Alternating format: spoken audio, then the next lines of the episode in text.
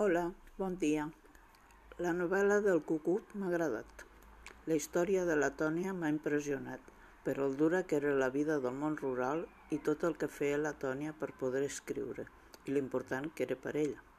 També m'ha agradat la relació que tenia amb el quadre que va salvar del foc i que al final és el causant que la Lali, la seva besneta, descobreixi la verdadera història de la família.